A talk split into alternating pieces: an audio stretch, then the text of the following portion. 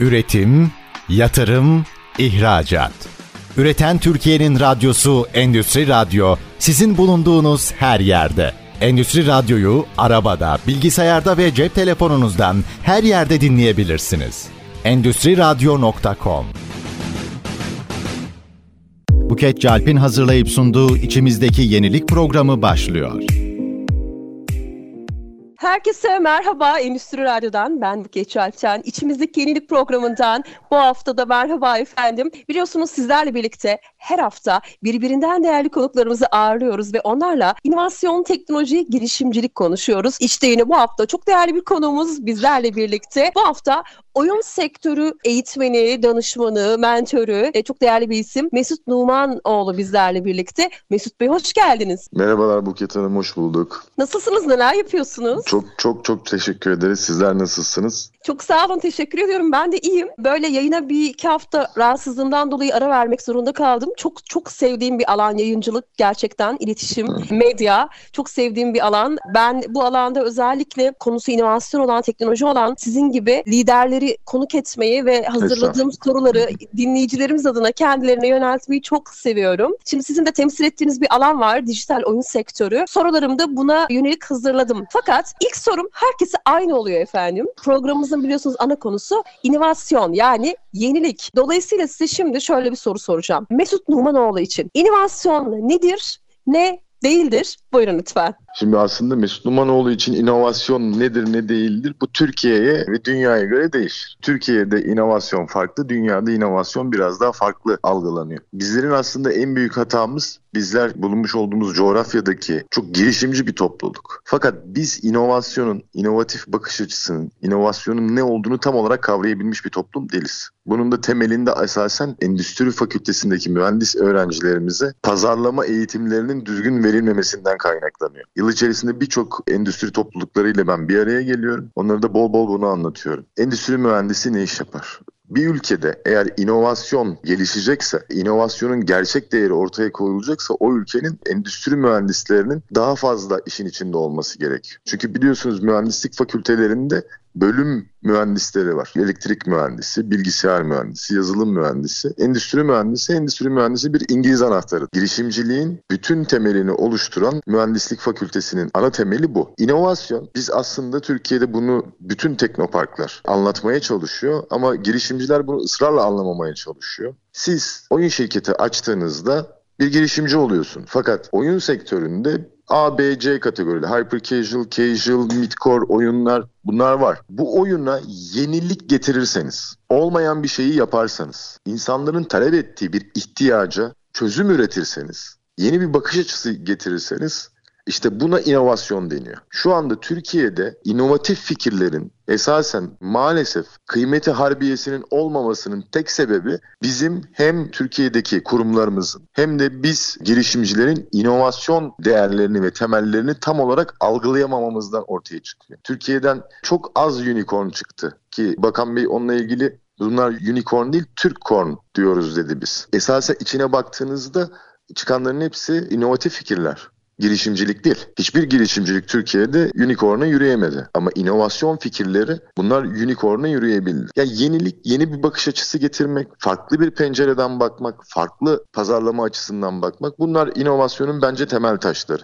Ben yaklaşık 12 yıldır yazılım sektöründeyim. 12 yıldır teknoloji sektöründe faaliyet gösteriyorum. Ne inovasyon fikirler, ne inovatif fikirler, ne inovatif projeler ölüm yolculuğunda maalesef köprüden aşağıya düştü. Çünkü girişimciler inovasyonu kabullenmiyor. İnovasyon, inovatif fikirler, inovatif girişimcilik çok zordur. Girişimcilik zordur, inovatif girişimcilik çok daha zor. Bir hayale aşık etmeye çalışıyorsunuz insanları. Bana soruyorsanız Türkiye'deki inovasyonla dünyadaki inovasyon farklı. Türkiye'deki inovasyon şu anda girişimcilik olarak adlandırılıyor. Her ne kadar yanlış olsa da. Ama dünya inovasyona böyle bakmıyor. Dünya inovasyona herkes oyun yapıyor. Sen bu oyunda yeni ne yaptın? Farklı ne yaptın? Hangi probleme çare üret ve bu ürettiğin çareyle beraber bunu pazarlayarak ne kadar gelir metodu elde et. İnovasyon biraz daha bu. Farklı bir bakış açısı. Yani Hı-hı. inovasyonu girişimcilikle bağdaştırmamak. İyi bir inovasyon özellikle bir nüans dikkatimi çekti. Pazarlamayla çok ilgili olduğunu. Endüstri mühendisliğinin pazarlama derslerinin verilmediğine dair şeyden bahsettiniz. Bu sene yani. müfredata koymuşlar. Mutluyum. E, Evet. Yani bu yani, müfredatta var.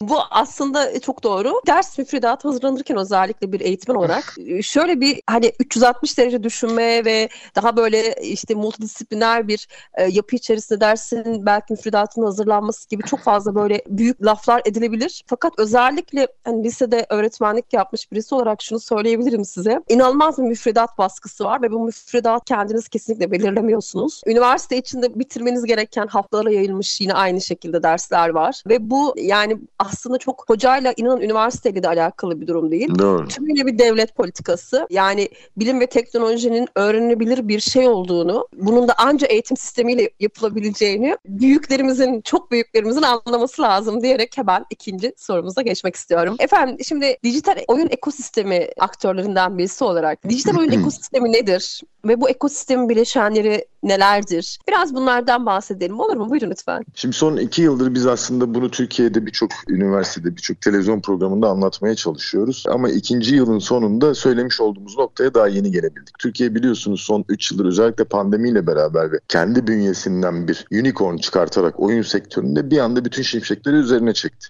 Ama Türkiye'de zaten 20 yıldır oyunlar yapılıyor. Şu anda Türkiye'de vergi dairelerinden almış olduğum bilgiyi paylaşabiliyorum. Totalde 798'in üzerinde oyun şirketi var. Sadece geçen ay açılan 28 tane yeni oyun şirketi var. Peak Games biliyorsunuz çok büyük bir patlamayla Amerika'da bir şirkete satıldı. Müthiş bir gelir elde edildi. Herkes dedik ya oyun sektöründe para varmış. Fakat bizim göremediğimiz şey oyun bir sektör değildir. Dijital oyunlar bir eğlence sektörünün elementidir. Biz bunları anlatmaya çalışıyoruz daha çok. Çünkü siz eğlence pazarlıyorsunuz. Bakın yine pazarlamaya geldik. Bugün mobil oyunlardan, PC oyunlardan, konsol oyunlarından, bilgisayar oyunlarından ki ekosistemi oluşturan 3 oyun bir de şimdi birazdan yeni bir inovasyondan bahsedeceğim Buket Hanım. İlk sorunuzun cevabı. Bu ekosistemin içinde ne olduğunu sormuştunuz ya. Oyunlar bu ekosistemin içinde konsol, PC, mobil. Bir de oyun içi reklamcılık diye yeni bir model. Bu da oyun ekosisteminin içine dahil edildi. Çünkü oyunlarda gelirler hem oyun içi envanter satışlarından oluyor ama asıl büyük gelirler özellikle mobil sektörde reklamdan. Çok iyi bir oyun yapabilirsiniz. Pazarlayamadıktan sonra hiçbir önemi yok. Ekosistemin bileşenlerini en büyük oluşturan aslında temel bileşenlerden bir tanesi İşin marketingi. Maalesef biz Türkiye'de bunu yapamaz hale geldik. Biz yapamadığımız için Amerika'dan yayıncılar gelip Türkiye'yi burada prototip atölyesi gibi kullanmaya başladı. Biz bu oyun işini becerdik. Nasıl ki milli savunma hamlemizde çok iyi işler yaptık. Bana sorarsanız oyun sektöründe de çok büyük işler yapmaya devam ediyoruz. Bugün değil ama bundan 3 yıl sonra God of War gibi bir oyun neden çıkartmayalım? Türkiye'de PC oyun yapan çok güzel firmalarımız var. Her ne kadar ismi bilinmese de. Bir mobil çılgınlığı aldı başını gidiyor ama bizim asıl öğrenmemiz gereken iş pazarlama. Biz bunu fakültelere gidip anlattığımızda oyun yapmayı öğreten profesörlerimiz bize şey dedi. Aman işte oyunu yapmadıktan sonra pazarlama. Hocam yanlış anlamayın çok iyi bir fikrinizin olması onu pazarlayamadıktan sonra hiçbir anlama gelmiyor ki. Hatırlar mısınız Peak Games bu ekosistemi nasıl tanıttı kendine? Türkiye'deki bütün dijital kanalları, bütün televizyonları kiraladı. Bir anda hepimiz televizyonlarımız çöktü zannettik. Olağanüstü bir PR'la ben buradayım dedi. Ondan sonra Peak Games zaten satıldı. Zynga geldi aldı 2.1 milyar dolara. Bu ekosistemi oluşturan 3 temel bacak konsol PC mobil fakat yeni katılan bir oyuncu var. İnsanlar artık oyun akışlarının bozulmasından o kadar rahatsız olmaya başladı ki oyunu oynamak için para veriyorum diyor. Ama araya reklamlar giriyor o da kalktı. Şimdi Türkiye artık bu konuda da yeni inovatif girişimcilikler sergilemeye başladı.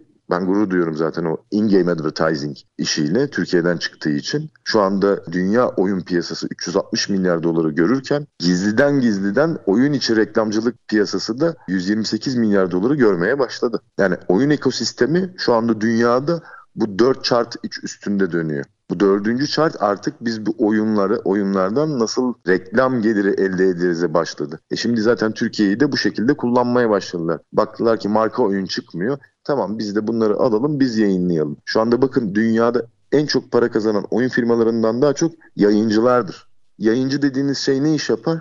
Sadece reklam yapar. Siz oyun üretirsiniz onlar reklam yapar. Bunu özellikle radyo olunca da özellikle söylemek istedim. Çünkü son iki yıldır böyle dilimde tüy bitti. Yeni yeni artık sektör buraya kaydı. Biraz daha artık insanlar gözlerini açmaya başladı. Ama bu ekosistemde daha önceden bir stüdyo kurulduğu zaman işte bir 3D artist, bir tane game designer, iki tane Junior iki tane senior yazılımcı tamam biz oyun yapıyoruz diyordu. Ama şimdi bu dörtlünün arasına üç tane de dijital pazarlamacı girmeye başladı. Yani kadrolar artık böyle böyle büyümeye başladı. Dijital evet. oyun ekosistemi bu şekilde şu anda konumlanıyor. Hem dünyada hem Türkiye'de Buket Hanım. Aslında evet bir diğer sorun da Türkiye'de dijital... E... Hazır oraya da değin, evet. değinmeye, değinmeye başladım ben. Evet dijital, evet. Dijital oyun evet. ekosistemi Buket Hanım Türkiye'de her şeyden önce Profesör Doktor Güven Çatak'la beraber en büyük patlamasını zaten yarattı. Bahçeşehir Üniversitesi'nde kendisi görevli. Bütün dünyaya bizi, Türkiye'yi anlatıyor ve Avrupa'da akredite edilmiş tek oyun tasarım profesörlerinden biridir. Baktığınızda kökeni neyinin? Güzel sanatlardan geliyor. E zaten oyun dediğiniz biraz daha güzel sanatlar işidir. Herkes yazılımcı işi zannediyor ama öyle değil. Bu iş eğlence sektörü. Biz her yerde bunu konuşuyoruz mentörler olarak. Biz buna sektör demeyelim. Böyle bir sektör olamaz. Devlet de zaten sektör olarak kabul etmiyor oyun sektörünü. Eğlence sektörüdür oyun. Şimdi Türkiye'deki dijital oyun ekosistemi özellikle 2022 yılında böyle bir altın çağı bize göre diyoruz ama biz bir de verileri görebiliyoruz ya Buket Hanım. Öyle ara ara istişare ediyoruz. Hala emekleme çağında oyun ekosistemi. O kadar çok emekleme çağında ki, ki bu seneki yatırımlar 4 milyar doları geçti. Türkiye'nin geliri, oyun sektöründen geliri 4 milyar doları bu sene bulacak gibi gözüküyor. Ama 4 milyar dolara rağmen biz şu anda oyun sektörü hala emekliyor. Hala da ayağa kalkıp yürümedi, daha koşmadı. Biz bundan 3 yıl sonrası oyun sektörü için bizi çok daha güzel şeyler bekliyor. Bugün iki sene öncesine kadar 126 tane oyun stüdyomuz varken bugün Türkiye'de 790 küsürü geçmiş disket kutusu açıkladı geçen gün hatta rakamı ve isimleriyle beraber açıkladı. Çok güzel bilgisayar oyun projeleri geliyor. Çok güzel konsol projeler geliyor. Önceden biz bunların hayalini iki yıl öncesinden kuramazdık. Tabii ama bu ekosistem güçlenirken aynı zamanda bu oyunların test edileceği cihazların o cihazlara erişmek için hem maddi anlamda hem de vergi anlamında devletin de biraz burada esnemeler yapması gerekiyor ki biz de bu sektörü biraz daha büyütelim. Ama İnşallah. şu anda gidişatımız çok iyi. İnsanlar özellikle genç evet. yazılımcılar yazılım fakülteleri artık tamamen oyun bölümüne geçiş yapmış gibi gözüküyor. Bununla ilgili çok devletin güzel. çok güzel kampları evet. var. Marmara Üniversitesi, evet. Yıldız Teknik Üniversitesi, Bilişim Vadisi bunlar çok güzel işler yapıyorlar. Artık bu tarafta oyuncumuz çok fazla. Ne kadar oyuncu olursa o kadar girişimci çıkar. Ne kadar girişimci çıkarırsak o kadar inovatif fikir çıkarırız. Ne kadar inovatif fikir çıkarsa o kadar unicorn biraz hayal ama güzel milyon dolarlık şirketler çıkarırız diye umut ediyoruz. İnşallah. Ben şimdi kısa bir araya gideceğim. Dönüşte tekrar Peki. unicornları konuşalım olur mu? Ah, peki yani olur. Şimdi kısa bir ara lütfen. Peki tamamdır. Üretim, yatırım, ihracat. Üreten Türkiye'nin radyosu Endüstri Radyo sizin bulunduğunuz her yerde. Endüstri Radyo'yu arabada, bilgisayarda ve cep telefonunuzdan her yerde dinleyebilirsiniz. Endüstri Radyo.com ve tekrar merhaba. Endüstri Radyo'da içimizdeki yenilik programında ben Buket Çarp'le olan birlikteliğiniz devam ediyor efendim bu hafta. Çok değerli bir konuğumuz bizlerle birlikte. Dijital oyun sektörü aktörlerinden Sayın Mesut Numanoğlu bu hafta konuğumuz oldu ve kendisi için hazırladığım dijital oyun endüstrisi başlıklı sorularıma cevap veriyor. Şimdi ilk bölümde dijital oyun ekosistemine baktık. Ülkemizde ne durumda ona baktık. Biraz sayısal verilerle de değerlendirdik aslında. Şimdi ikinci bölümde biraz biraz sektörü oluşturan, aslında sektör demeyi de hoşlanmıyorsunuz ama bir endüstri olduğunu Hı-hı. düşünüyorum ben. Çünkü Doğru. içerisindeki bütün argümanlar, evet eğlence sektörünün çok önemli bir endüstri dalı olduğunu düşünüyorum. Hı-hı. Dijital oyun endüstrisinin. Çünkü tek başına baktığınızda sadece bir tasarımdan ya da sadece bir yazılımdan ibaret değil. İleri ve geri besleyen bir sürü argümana sahip, bir sürü enstrümana sahip ve bu alanlarda yani sesçi olamazsanız, işte yazılımcı, yazılımcı olamazsanız, tasarımcı, tasarımcı olamazsanız, pazarlamacı, hiçbirini olamazsanız datacı ben bence ki en önemlisi. Olabilir, olabilirsiniz diye düşünüyorum. Ben her şeyin data kısmını zaten çok ilgilendiğim için data kısmını aldım hemen bakın. O alanda çalışıyorum şu anda. Şimdi İçerisindeki teknolojilerden birazcık bahsedelim. Bu alanlarda işte girişimcilik yapmak isteyen dinleyicilerimiz olabilir veya özellikle inovasyona açık olan tarafı da zaten e, bu gelişen teknolojileri. Genişleyen, gelişen, yıkıcı anlamında kullanılan bir tabir var. Emerging hmm. teknoloji diye. Emerging doğru. değil mi? Doğru telaffuz doğru. edemem ben doğru, genelde doğru. bu İngilizce hmm, kelimeleri. Doğru. Çünkü ana dilim Türkçe o yüzden edemiyorum bu arada. Ya, iyi ee... yapıyorsunuz. doğru yapıyorsunuz. bir de ısrarla ve inatla şimdi kız kardeşim İngilizce öğretmeni benim. Bir diğer işte kardeşim çok önemli bir uluslararası bir organizasyonda çalışıyor ve ana dili seviyesinde İngilizce konuşuyor. Bir diğeri bilmem İngilizce matematik eğitimleri falan veriyor. Ama ben İngilizce konuşamıyorum çünkü şöyleyim ya ben imparator genetiği taşıyan bir insan olduğum için imparatorluk genetiği ısrarla dünyanın en iyi dili Türkçedir. Dünyada en geniş işte şey literatür Türkçe'dedir gibi gibi böyle sondan eklemeli, baştan eklemeli. Ben bu arada size yüzde yüz katılıyorum. Konuşamıyorum. Ama şey okuduğumu çok net anlarım. O da ayrı bir özellik. Hı-hı. Çok şükür ki çok fazla İngilizce makale ve kitap okumaktan kaynaklı bir durum. Hı-hı. Neyse buraya geçelim. Ben soruma dönmek istiyorum. Hı-hı. Özellikle emerging teknolojiler ve oyunun geleceği, oyun teknolojisinin geleceği, oyunda gelişen teknolojiler, trendler nelerdir? Yani tabii bildiklerimiz var ama bilmediklerimiz de var ya. Biraz onlardan bahsedebilir miyiz? Tabii ki. Karma şimdi, gerçeklik falan. Şimdi böyle hızlı bir şekilde bu emerging gelişen parlayan teknolojiler biliyorsunuz 1990 yılında özellikle otomotiv sektörü bize böyle yapıcı yıkıcı teknoloji şeklinde önümüze getirildi. Biz bir anda böyle daktilolardan bilgisayara geçiş yaptık ve bir anda o teknoloji çağı dediğimiz ben kuşakları ayırmayı sevmiyorum insanları ama eğer geleneksel dili kullanacak olursak indigo nesil olarak görüyorum kendimi. Bir anda ankesörlü telefonlardan telsiz telefonlara ama hızlı bir şekilde bilgisayarın hayatımıza girmesiyle özellikle akıllı cep telefonlarının sadece cebimizi değil aynı zamanda cebimize de girmedi aynı zamanda cüzdanımıza da girdi akıllı telefonlar. Bu bir anda bize gelişen parlayan teknoloji olarak sunulmaya başlandı. Oyun sektöründe de aslında bir emerging teknoloji çağına doğru gidiyoruz. Ben bunu bir çağ olarak adlandırıyorum. Yani akıllı telefonların hayatımıza girmesi bir çağın kapanışı ve yeni bir çağın açılışıydı. Fakat akıllı telefonlardan sonra özellikle oyun sektörü sektöründe teknolojinin bu kadar ilerlemesiyle beraber yeni bir çağa doğru geçiş yapıyoruz. Ben sizi profesyonel olarak da tanıyorum. Sizin de çok özellikle dikkat ettiğiniz, Türkiye'de girişimciliğin çoğalması adına çalışmalar yaptığınız VR ve AR konusu var. Biz daha buralara gelmedik. Buraları konuşmuyoruz. Şimdi oyun sektörü öyle bir noktaya gidiyor ki şu anda bir oyuna kalkıp 2000-3000 Türk lirası kopya parası verebiliyorsunuz. E şimdi VR ve AR işin içine girdiğinde ki şu anda Amerika'da öyle AR teknolojiler üstüne çalışılıyor ki bütün vücudunuzu kaplayacak oyunun içerisinde herhangi bir şekilde acıyı bile hissedebileceğiniz AR teknolojiler üzerine çalışılıyor. Şimdi bunu nasıl gerçekleştirebilirsiniz? Mark Zuckerberg çıktı bununla ilgili ben Meta'yı kuruyorum dedi. Metaverse zaten bizim hayatımızda hep vardı. Buket Hanım siz bilirsiniz. Bundan 20 yıl önce metaverse'ümüz yok muydu bizim? Vardı. Birçok meta şeyler yaşadık. Ama oyun sektörü bizi aslında ilk metaverse'ün içine sokan bir sektör haline geldi. AR ve VR'ın buna dahil olmasıyla beraber işte asıl o zaman yeni bir çağ başlıyor olacak. Şu anda hatırlıyorsunuz akıllı televizyonlar yavaş yavaş insanların evlerine giriyordu ama bugün herkesin televizyonu akıllı. Herkesinki smart. Uydular yavaş yavaş kalkıyor. IPTV'ler alıyor yerini. Oyun sektöründe de bizim öngörümüz makineler ortadan kalkacak ki bunda Türkiye'deki çok önemli bir telekomünikasyon firması önemli bir yatırım yaparak donanımı ortadan kaldırarak direkt bütün oyunları herhangi bir donanıma ihtiyaç kalmadan internet hızınızın minimum 20 megabit olması şartıyla size çok yüksek bir oyun keyfi her bilgisayardan, her cihazdan, her televizyondan sunmaya başladı. İşte bu aslında gerçekten bir emerging teknoloji deyip zamanı doğru kullanmak adına bir sonraki sorunuzu alabilirim.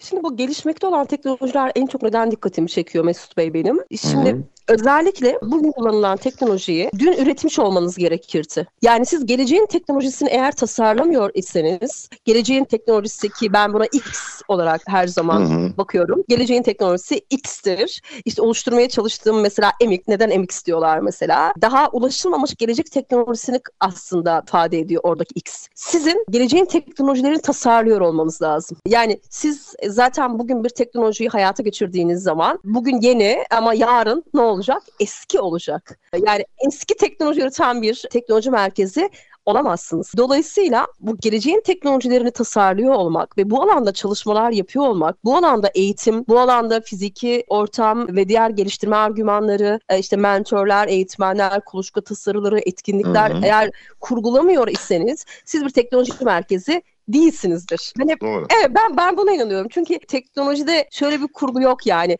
Bir fabrikada siz bir makinede teknoloji üreten bir makinede teknoloji üretmiyorsunuz. Siz aslında teknolojiyi tasarlarsınız. Teknoloji üretilmez. Teknoloji tasarlanır. Ve teknoloji bugün aslında ihtiyaç duyduğumuz her şeydir. Ve bu ihtiyaçları bugün karşıladığımız zaman ihtiyaç bağımlılığı bittiğinde sizin teknolojinize hiç kimse ihtiyaç duymaz. Dolayısıyla bu ihtiyaç bağımlılığını sürekli artıran gelecek teknolojileri ve gelecek ihtiyaçlarını bir araya getirip bu bileşkeden bir fayda, bir girişim, inovasyon çıkarmak lazım. Doğru. İşte bu yüzden MX kıymetli bir girişim Doğru. diye düşünüyorum Türkiye için ve bir üniversite Hı hı. kuluçkası olması da ayrı bir güzellik. Şey, yani Marmara Ee, Üniversitesi'ni üniversite demek sadece şey olur ya böyle hani böyle an- anneli, anneli, annelerimiz yemek yapar ama böyle o yemek değildir, şiirdir. Roman yazar ya hani Marmara Üniversitesi'ne de böyle sıradan bir üniversite gibi bahsetmek de o Türkiye'nin en büyük, en köklü, en vizyoner üniversitelerinden birinin kuluçka programı olması evet çok değerli. Çok teşekkür ederiz.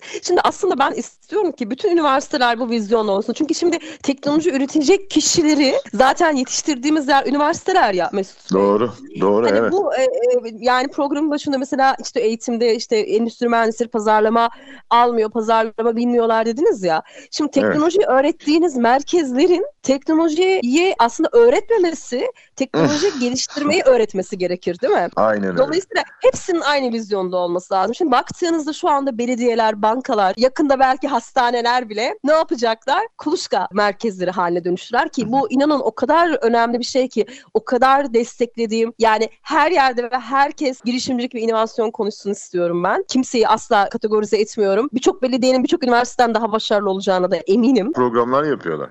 harika, çok güzel. Herkes yapsın lütfen. Ama şu var. Yani siz eğer bir üniversite kuluçkasıysanız bir farkınız olmalı. Yani sizin ürettiğiniz işte tooller, sizin ürettiğiniz metotlar, yöntemler, teknolojiler diğer kuluçkalara ilham olmalı. Çünkü siz bilimin merkezisiniz. Yani Türkiye'de bilim yuvası neresidir? Üniversitelerdir. Değil mi? Okullardır, üniversitelerdir. Dolayısıyla biz teknoloji için ne üretmek zorundayız? Ham madde üretmek zorundayız. Bilgi üretmek zorundayız. Ham bilgiyi nasıl işleyeceğiz? Nasıl ticaretleştireceğiz? Nasıl kâra dönüştüreceğiz? Ve bunu nasıl bir sürdürülebilir kurgu içerisinde tasarlayacağız? İşte bunun formülleri üniversite tarafından yapılmalı. Üniversite kuluçkaları tarafından yapılmalı diye düşünüyorum. Ve bu bir seferberlik olarak aslında herkesin kendi alanıyla ilgili çalışmalarını götürüp üniversite kuluçkalarında denemesi gerektiğini inanıyorum ben. Bu çok güzel bir yaklaşım Buket Hanım. Bu sözünüzde bence ben bunu ayrıca sizden ödünç alıyorum. Bir zamandaki panellerimde kullanacağım. Bir inovasyon ve girişimcilik seferberliği olarak adlandırdınız ya. Bu, bu Evet. çok değerli. Çünkü bizim asıl problemimiz burada ortaya çıkıyor Buket Hanım. Biz biliyorsunuz ki ben 33 yaşındayım. Ben indigo nesil olarak kendimi adlandırmamın sebebi ben işte sokakta misketle de oynadım. Saklambaç da oynadım. Salçalı ekmek de yedim komşunun elinden. Ama aynı zamanda Atari kaseti için Eminönü'nde Beyazıt'ta Kadıköy'de Atari kasetleri de kovalıyordum. Oyun konsolunu da gördüm. Bilgisayar oyunlarını da gördüm. Teknolojiyi de gördüm. Teknolojinin içinde büyüdüm. İki tarafı da varlık yokluğu aynı anda yaşayabildim ben. Ama bunu zamana yayılarak yaşadık. E bugün Türkiye'nin en büyük problemi, bırakın Türkiye, dünya insanlığının, ben sosyoloğum, davranış bilimciyim ben. Bugün dünya insanlığının yaşadığı en büyük problem imkan fazlalığı. O kadar çok imkan var ki hangi imkan daha değerli? Halbuki sizin dediğiniz gibi her kategoride dediniz ya Mesut Bey hastaneler bile artık bir kuluçka merkezleri. Doğru. Sağlık teknolojileri gelişiyor. Hastaneler de artık bir kuluçka programı başlatıyor. Bezmi Alem Üniversitesi Hastanesi başlattı. Çok güzel ARGE projeler çıkarttılar. Şu anda Türkiye'deki birçok teknoparkta sağlık üzerine çok güzel inovatif şeyler geliştiriliyor. Ama bizim şu anki problemimiz maalesef sizin az önce yayının başında yine çok güzel değindiğiniz bir nokta. Biz maalesef üniversitede satırdan okutuyoruz çocuklarımıza, derslerimize. Sadırdan yani hayatın içinden, gerçeklerden değil. Bir üniversiteyi bitirmekle, o diplomayı almakla o işi yapabileceğiniz kabiliyetine sahip olduğunuz anlamına gelmez. Üniversitelerde yemek değil, adam pişer. Sektöre insan pişer. Şimdi bugün baktığınızda sizin bu MX programınızla beraber yapmaya çalıştığınız Bilişim Vadisi'nin Diğerlerinin yapmaya çalıştıkları da bu. Bu çocuklar üniversitelerde sadece satır okumuyorlar. Aynı zamanda üretmeye başlıyorlar. Muhakkak girişimcilik nedir? Türkiye'de girişimcilik Muhakkak bunlar sorulacaktır. Lakin asıl girişimcilik bu. Üniversite 2'de eğer bir şirket kapatmadıysanız, bir şirket batırmadıysanız siz kendinize girişimci diyemezsiniz. Bugün Türkiye'de açın bakın yayınlanıyor sürekli. 2022'nin 3 kuartırında en çok girişim çıkaran üniversitelerin X, Y, Z üniversiteleri. Hepsi özel üniversite. Neden? Müfredata takılı kalmıyorlar çünkü. Bugün Türkiye'nin yatırım almış 100 milyon doların üstünde değerleme almış şirketlerin kurucu ortaklarının hangi fakülte mezunu olduğunu dikkat edin. Sabancı Koç. Neden? Çünkü özel üniversiteler. Onlar satırlara kalmıyorlar. Sadece kitaplara çocukları mahkum etmiyorlar. E şimdi bizim artık burada biraz eğitim öğretim tarafında da bir artık sirkelenip kendimize gelmemiz lazım. Ülkemiz gerçekten son dönemlerde özellikle hem kadın girişimcilere ki şeyi konuşmadık Buket Hanım. Kadın oyun tasarımcıları gümbür gümbür geliyor. Yani kadınlar bu sektöre de el attılar ki onların el attığı her sektörde böyle muhakkak başarı süslü püslü hale geliyor. Daha güzel oluyor. Kadınlar oyun sektöründe de çok güzel kadın girişimcilerimiz çıkmaya başladı. En son örneği Rival Games, Ayşe İnal. Fikir aşamasındaki projesine 4,5 milyon dolar yatırım aldı kadın. Bu bir Harika. Türk. Bu bir Harika, Türk ve bir güzel. Türk kadını. Ayşe Hanım'a da bir radyo programı almayı çok isterim gerçekten. Buradan Ayşe İnal'a sesleniyoruz. Radyo Ayşe programına bekliyoruz Ayşe İnal. Benim de değerli Bekliyoruz. arkadaşım. Çok güzel. Şimdi şöyle bir şey var. Biz bu vakıf üniversitelerin özellikle bütçelerin olması çok kıymetli. Devlet üniversitelerinde bu tarz bütçeler yok maalesef. Çok kısıtlı döner sermayeleri. Ama vakıf üniversiteleri zaten bu PR'la öğrenci çekebildikleri için onlar aslında girişimciliğe ayırdıkları bütçe eşittir reklam bütçeleri. Dolayısıyla Yine aynı noktaya Ee, geldik Buket, yani- Buket Hanım. Yine reklam diyoruz. evet bütçe bütçeler bütçe ve reklam diyoruz. bize de bütçe lazım. Evet reklamlar demişken bizim de şimdi reklama gitmemiz gerekiyor. Kısa bir ara lütfen. Üretim, yatırım, ihracat. Üreten Türkiye'nin radyosu Endüstri Radyo sizin bulunduğunuz her yerde. Endüstri Radyo'yu arabada, bilgisayarda ve cep telefonunuzdan her yerde dinleyebilirsiniz. Endüstri Radyo.com Tekrar merhaba. Üçüncü ve son bölümle Endüstri Radyo'da olan birlikteliğimiz devam ediyor efendim. İçimizdeki yenilik programında ben Buket Çarp'ın bu haftaki konuğu dijital oyun sektörü danışmanlarından, mentorlarından Sayın Mesut Numanoğlu beyefendi. Şimdi birinci ve ikinci bölümde dijital oyun sektörüyle ilgili çok güzel sohbet ettik. Dijital oyun sektörünün sağından, solundan, derinliğinden, her şeyinden bahsediyor olduk. Teknoloji yönetiminden biraz sorular soracağım bu bölümde. Şimdi bir şey söylemek istiyorum. Sosyologsunuz. Ben sosyoloji okumayı çok seven bir. İbni Haldun çok fazla okurum. Mukaddinameyi çok fazla benim boşucu kitaplarımdan bir tanesidir. Şimdi insanoğlu karmaşık bulduğu her yapıyı tanımlamak için inanılmaz derecede çok fazla tanım üretmiş. Yani karmaşık buluyor, algılayamıyor tek bakışta.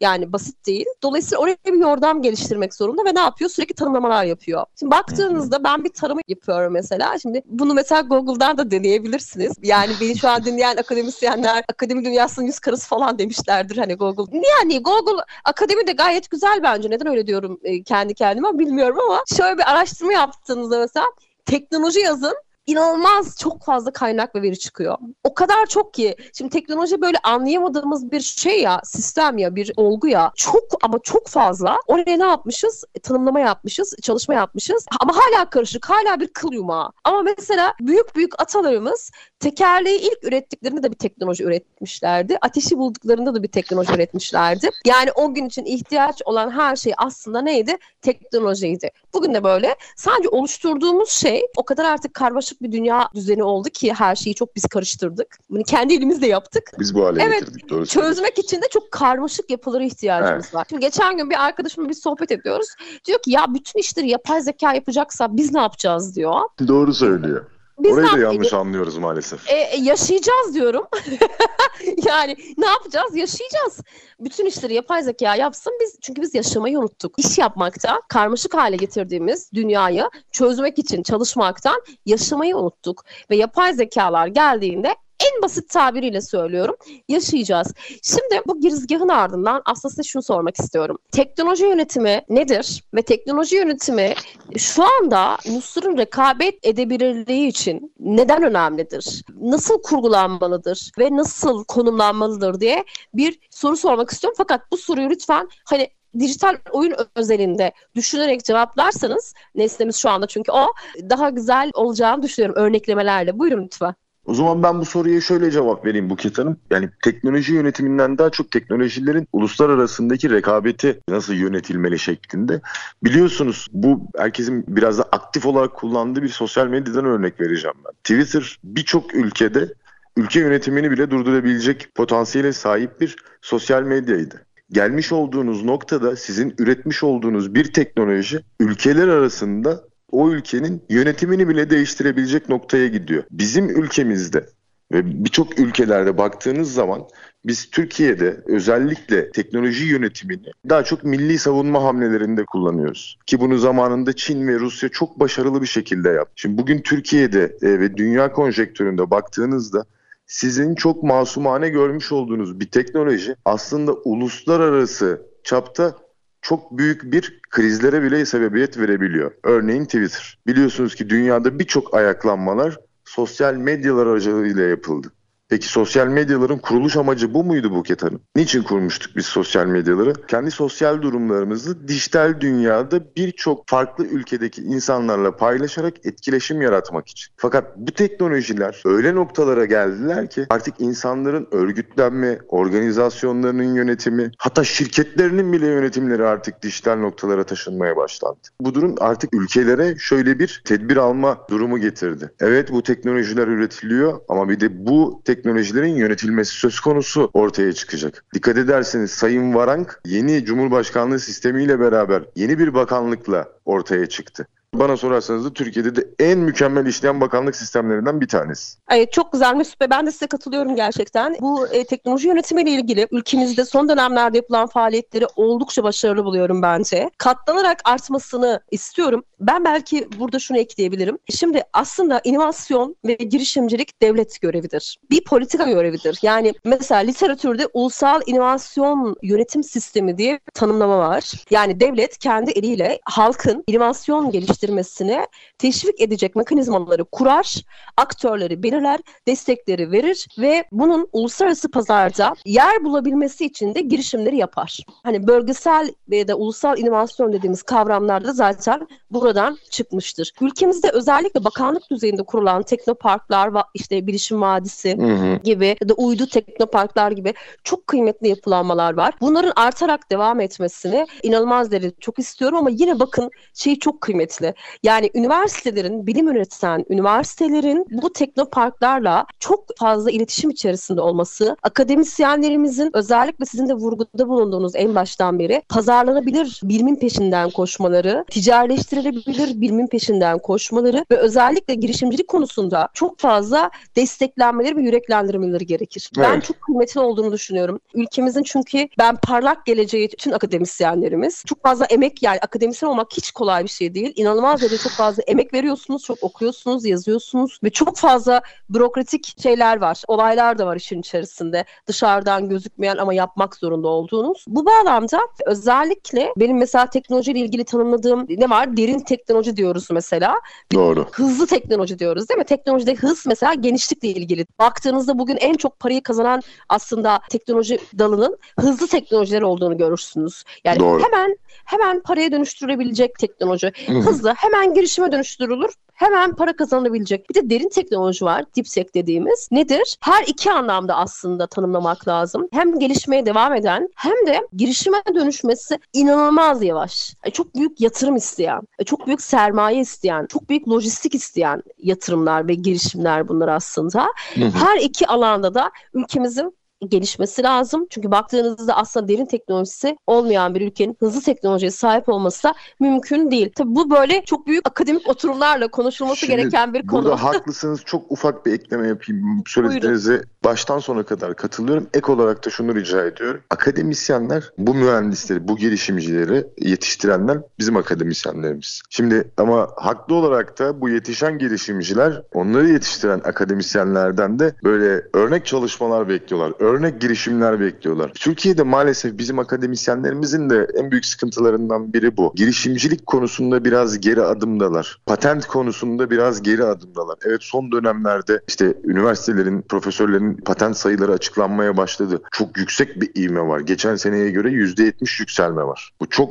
çok değerli. Bu da devlet politikasının değişmesiyle akademisyenlerin de olaylara bakış açısının değiştiğini gösteriyor ama yine sizin dediğinizi destekleyecek bir şey söyleyeceğim. Bizim akademisyenlerimiz de biraz girişimci olmalı. Çünkü bizim akademisyenimiz örnek veriyorum X marka C segment bir arabaya binmesin ya. Çok güzel bir girişimcilik örneği göstersin. Derse Ferrari ile gelsin. O çocuk daha çok cezboluyor bu sefer bu dersi öğrenmek için.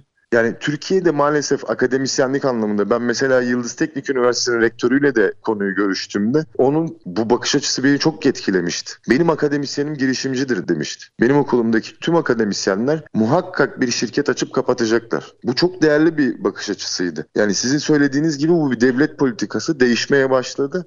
Ama dediğiniz gibi böyle çok büyük konu akademisyenler olunca farklı bir akademik oturumda bunların konuşulması gerekiyor. Aynen öyle olması gerekiyor. Şimdi dilerseniz siz çok fazla girişimcilerle birlikte vakit geçiren, evet. onlara mentorluk yapan birisiniz. Bunlar e, çok kıymetli aslında hikayeler de vardır. Çok kıymetli çıkarımlarınız da vardır. Biraz ondan bahsedelim mi? Türkiye'de hay hay. girişimcilik, işte girişimcilik sektörü eksileri, artıları nelerdir? Girişimcilerimiz ne durumdalar, neler yapıyorlar? Buyurun lütfen. Şimdi şeyde bu benim kullandığım bir kelime. Girişimciliğin ölüm yolu yolculuğu. Bu çok tehlikeli bir yolculuk girişimcilik baktığınızda. Çünkü bir fikriniz var ve fikrinize önce siz aşık oluyorsunuz. Ondan sonra bunu hayata geçiriyorsunuz. Başkalarının aşık olmasını sağlamaya çalışıyorsunuz. Sağlayamazsa o girişimcilik ölüyor gidiyor. Fakat böyle uzun zamandır anlata anlata artık insanlara uluslar biz de bunları yeni yeni oyun sektörüyle beraber öğrendik. Business plan dediğimiz, pitch deck dediğimiz yeni yeni kavramlar girdi hayatımıza. Yani bir girişimciliği daha önceden kurgulamaya başlıyoruz. Yani bu girişimcilikte biz daha öncesinden girişimciliği şöyle algılıyorduk. COSCAP bu konuda biraz girişimciliği yanlış tanıttı diyelim. Ki Allah'tan şimdi onlar da değişti. X iş var sen de yapabilirsin. Eğitimini al gel devlet sana destek versin. Girişimcilik o değil. Şimdi bir fikriniz var ve bu fikrin tamamen üreten sizsiniz. Şimdi önceden size şeyde ilk oturumda da söylemiştim size. Önceden bir ben oyun sektöründen örnek vereyim. Bir oyun yapacaksınız. Ne ihtiyacınız var? Oyunu tasarlayacak olan adama, oyunu kodlayacak olan adama ve bir de kurgu çıkartacak olan kişiye ihtiyacınız var. Üç kişiden bir oyun stüdyosu oluşuyor mu? Oluşur. Ama şimdi girişimcilik bu olmuyor. Maalesef sizi sadece oyun yapmak kabiliyetinizi ortaya koyar. Asıl girişimcilik burada bir taraftan finansı bilen birinin de masaya oturması gerekiyor. Biz çünkü önceden bir girişim yapacağımız zaman elimizdeki tutarın, X tutarının %80'ini 90'ını o ürünü yapmaya adıyorduk. Ama yurt dışında böyle değil. Eldeki bütçenin yaklaşık %20'si ürünü üretmeye ayrılıyor. Kalan %80 tamamen PR ve market. Çünkü çok iyi bir fikrinizin olması onu pazarlayamadıktan sonra hiçbir anlam ifade etmiyor. Benim girişimcilere özellikle söylediğim muhakkak Türk Ticaret Kanunu'nu bilin.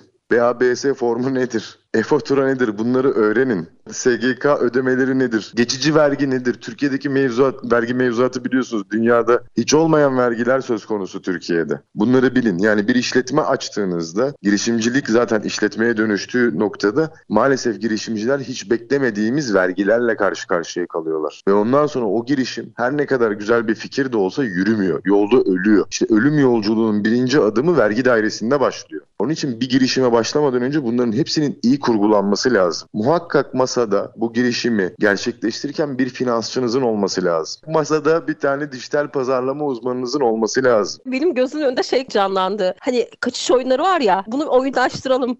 ölüm yolculuğunu. güzel, güzel, güzel fikirmiş doğru. Doğru. Girişimin, vergi, girişimin ölüm yolculuğu. Şeyler ya yan taraftan BABS formu geliyor. Öbür taraftan geçici vergi vurmaya çalışıyor falan böyle. geçici vergiden kaçıyorsun, muhtasara takılıyorsun falan. Ama bunlar gerçekler. Buket Hanım eğer bu coğrafyada iş yapıyorsak birincisi coğrafyayı tanıyacağız. Yani ben çok değerli iş adamlarıyla oturup kalkıyorum. Bir tanesine şey dedim ya nasıl bu kadar büyüdünüz? Mesut dedi ben coğrafyayı iyi tanıyorum. Bu coğrafya bir ateş çemberidir. 25 yılda bir etrafında muhakkak savaş çıkar ve dolar hareketlenir. Ben hiçbir zaman bu ülkede planlarımı 20 yıllık, 30 yıllık yapmam. 10 yıllık planlar çerçevesinde yaparım. Söylediğim adam Türkiye'nin ilk 10 vergi mükelleflerinden, vergi rekortmenlerinden biri. Ama işte o da girişimini böyle bu noktalara taşıdı. Onun için bizim Türk girişimcilerine sesleniyorum buradan.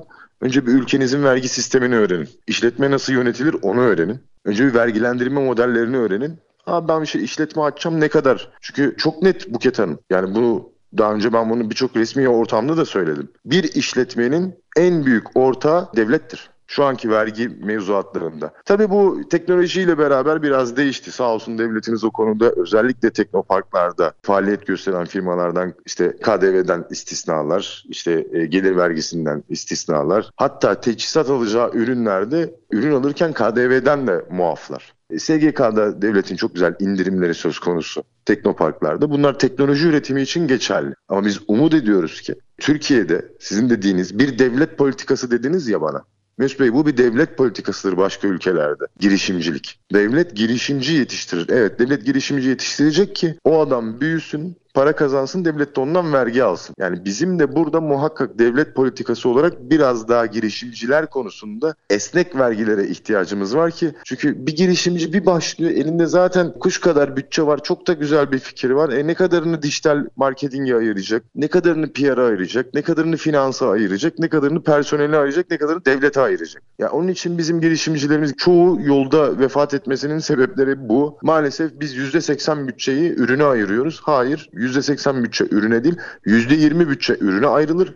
%80 marketinge ayrılır. Onun için bizim girişimcilerimizin dikkat etmesi gereken tek şey vergi mevzuatıdır. Bunu da ben kendim bu şekilde, kendi benim de kendi girişimim oldu. 20 milyon dolar gibi bir uluslararası arenada çok ciddi bir rakama değerledim ben şirketimi. Ama ben neyi çok iyi yaptım? Ben her şeyden önce önce mutfağı öğrendim. Önce vergi sistemini öğrendim. Benim kendi mesleğim data marketingçiyim ben. Mesleğim boyunca hep data marketing yaptım. E böyle olunca doğru kişilerle aynı masada oturunca o yol sizi böyle milyon dolarlara götürüyor. Ama iki yazılımcı bir araya geldik. Biz oyun yapacağız. Olmaz. Yapamazsınız. Niye? Üç ay sabredersiniz. Dördüncü ay limitiniz biter. Evet. Çok teşekkür ediyorum bugün için. E, gerçekten ben çok teşekkür e, ederim. renkli, çok güzel ben bir yayın oldu. teşekkür ederim. Başka bir yayında tekrar sizi konuk almayı, tekrar konuşmayı çok isterim gerçekten. İnşallah kulaklarınıza misafir olduk. Bizi misafir olarak kabul ettiğiniz için ben tüm dinleyicilere ama her şeyden önce size çok teşekkür ediyorum. İyi yayınlar diliyorum. Başka bir yayında tekrar görüşmek dileğiyle. İnşallah. Çok teşekkür ediyorum. Efendim bu hafta yayınımızın sonuna geldik. Tekrar görüşmek dileğiyle. Yenilik içimizde.